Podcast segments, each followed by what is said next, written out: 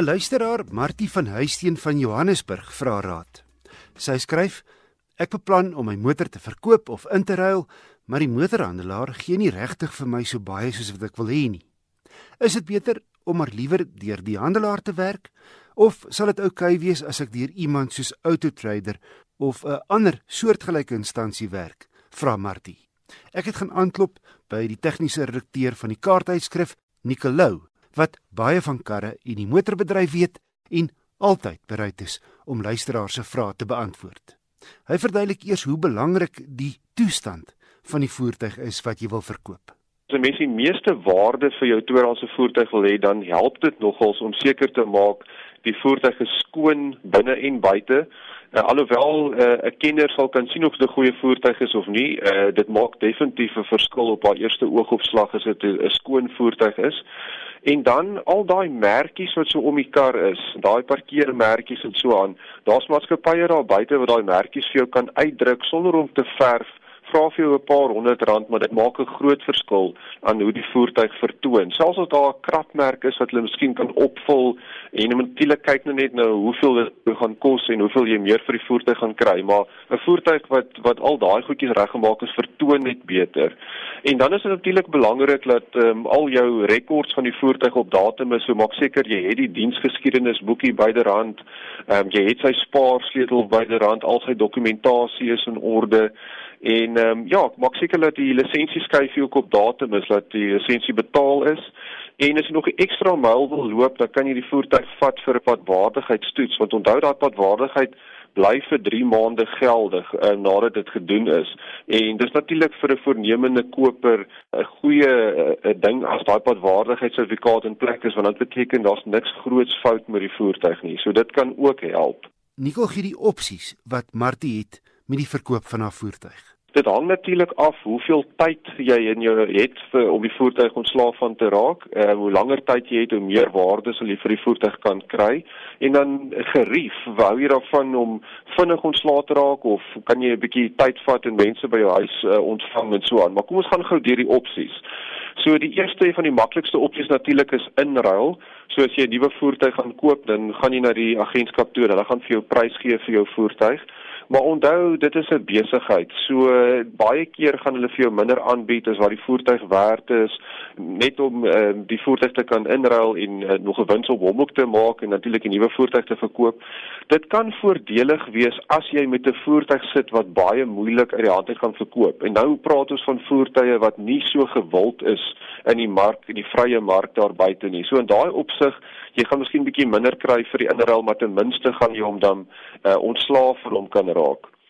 Die ander opsie wat jy het is was baie van hierdie maatskappye deesdae wat erg adverteer, hulle gaan die voertuig vir jou by jou huis kom haal, hulle gaan al die papierwerk uitsorteer, hulle betaal jou sommer net daar in kontant of in jou rekening vir die voertuig.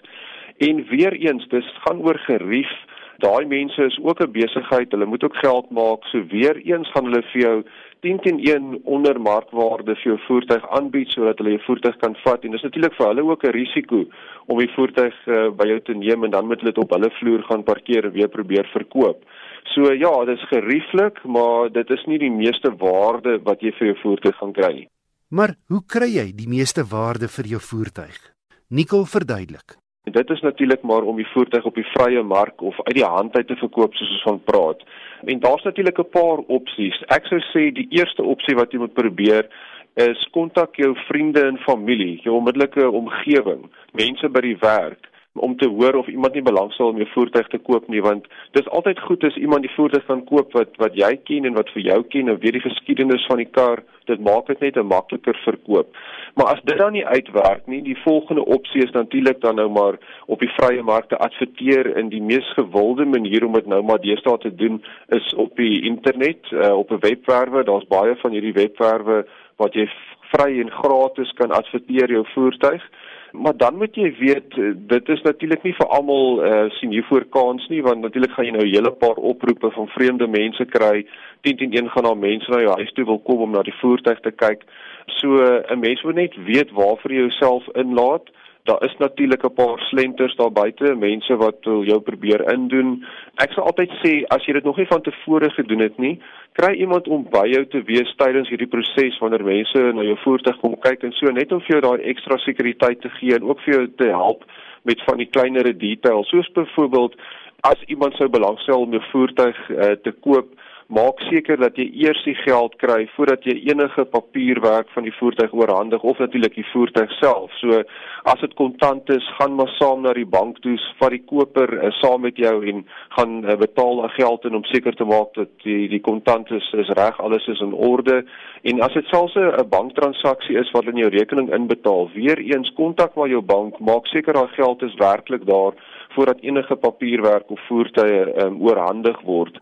Indien jy 'n klassieke voertuig wil verkoop, het hy die raad.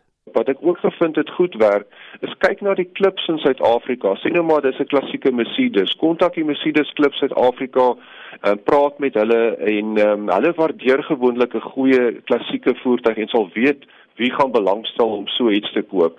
As dit natuurlik nou meer 'n gewone alledaagse voertuig is, soos ek sê die vrye mark is die beste manier om die meeste waarde te kry, maar dit gaan 'n bietjie moeite van jou kant af neem om dit reg te kry, maar soos alles in die lewe, 'n mens moet maar bietjie opoffer as jy bietjie meer geld wil hê. Nicolou, die tegniese redakteur van Car. Jy's welkom om enige tipe motornavraag te stuur e-pos na wissel@rsg.co.za. En die meer tegniese vrae stuur ek aan Nicol. Volgende week evalueer ek 'n kompakte premium sportnuts, Jaguar se E-Pace.